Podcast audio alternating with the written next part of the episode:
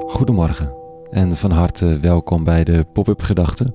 Ik ben Rico en ik schrijf overwegingen om de dag mee te beginnen. Tof dat je luistert. Vandaag begint het met de titel Over wat recht is. Pop-up Gedachten dinsdag 29 november 2022.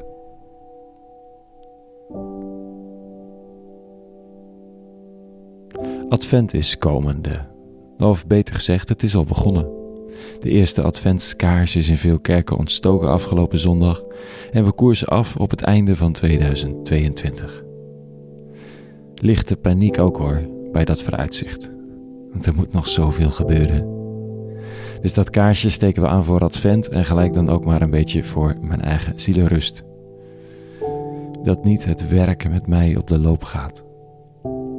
Zomaar wordt wat je doet weer al te belangrijk, alsof je leven ervan afhangt. En dat is natuurlijk niet zo. Meestal niet. Het is mijn werk, hadden collega's gezegd tegen mijn licht perfectionistische buurman. En daar hadden ze gelijk in. Beschouw het ook gewoon als werk. En zo'n kaarsje helpt daarbij, gek genoeg. Het maakt even verbinding met die hele eeuwenoude traditie. Even die vonk en dat licht, die geur en die warmte. Super klein, maar groot als God als een verwijzing naar God. En of dan het takenlijstje afkomt of niet, ja, daar staat of valt het jaar niet mee. Gelukkig niet. Met zo'n kaarsje krijgen soms de dingen hun proporties terug. Een verwijzing naar een hogere macht brengt de machten in het leven een klein beetje tot rust. Al dat wat aan je trekt en short, dat houdt zich even in in het gezicht van een grotere aanwezigheid. En interessant, je hoeft niet eens in God te geloven om dat te ervaren. Zo'n kaarsje werkt op de een of andere manier zelf wel. Al komt er geen hond meer in een kerk, toch lopen er mensen naar binnen als de deuren openstaan. Gaan er voorin zitten, steken een kaarsje aan en gaan hun wegs. In de katholieke kerk dan, hè? In de protestantse kerken gaat het allemaal niet. Behalve op zondag, daar is de eredienst. Verder is die dicht. Of zijn er vergaderingen. Ook belangrijk. Maar toch anders. Wie de kaars aansteekt met advent refereert aan de koning. Dat was de belofte, de komst van een koning. Voor een onderdrukt volk, overheerst door de Romeinen, de geboorte van een koning als een hoop van nationaal verzet. Dat liep allemaal wat anders, maar de hoop was er niet minder om. En die koning krijgt door profeten en in liederen al allemaal eigenschappen mee. Eentje daarvan, die altijd terugkeert, is deze. De koning doet eindelijk recht. Hij is rechtvaardig. Met deze koning heerst er gerechtigheid. Geen racisme dus. Geen achterlijke regeltjes voor giften aan hen die een uitkering krijgen. Geen gedoe bij de Belastingdienst. Prompte uitbetaling van schadevergoeding aan Groningers. Wie asiel aanvraagt, krijgt een eerlijke behandeling. Dit zijn de naar vandaag vertaalde visioenen voor de grote koning die geboren zou worden. Steeds opnieuw. Dit staat er bijvoorbeeld in de psalmlezing van vanochtend. Hij zal bevrijden wie arm is en om hulp roept, wie zwak is en geen helper heeft. Ontfermt zich over weerlozen en armen. Wie arm is, redt hij het leven.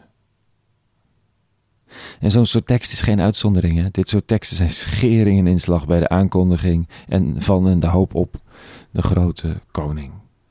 Het gaat niet over economisch voor de wind gaan, of een hogere uitslag op de gelukstermometer over scoren als kenniseconomie of vooroplopen in de energietransitie.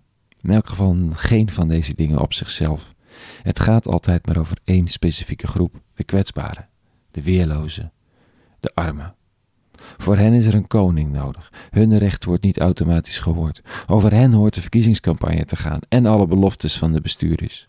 Over slachtoffers van de klimaatcrisis die gecompenseerd moeten worden. Ja, en dan moet er ook iets gebeuren met een energietransitie. Om hen. Over mensen bij de voedselbank die een waardige plek verdienen om hun eten te kunnen fixen.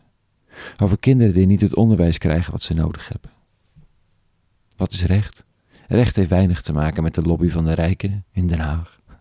Recht heeft weinig te maken met je geld kunnen laten rollen of een positief economisch vestigingsklimaat. Het kan allemaal een rol spelen, maar moet opgehangen worden aan maar één vraag plek voor de armen, de kwetsbaren en de weerlozen. Ja, en mijn vraag aan mezelf dan, hè? Of ik aandacht heb voor de armen, kwetsbaren en weerlozen om me heen? Welke plek heeft dat op mijn takenlijstje? Kan die vraag mijn werkzaamheden kleuren? En kan ik het zelf toegeven te zijn, soms? Dat ik mezelf toestaat niet allemaal te weten en te kunnen. Kortom, vragen en beelden genoeg weer voor een ochtend. Tot zover de pop-up gedachten en een hele goede dinsdag gewenst. Meer over de pop-up gedachten te vinden op popupgedachten.nl. Je vindt er ook een donatiebutton. Super tof als je wil meehelpen dit in de lucht te houden.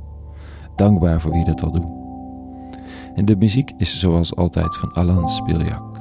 En tot slot en vooral vrede gewenst. Alle goeds.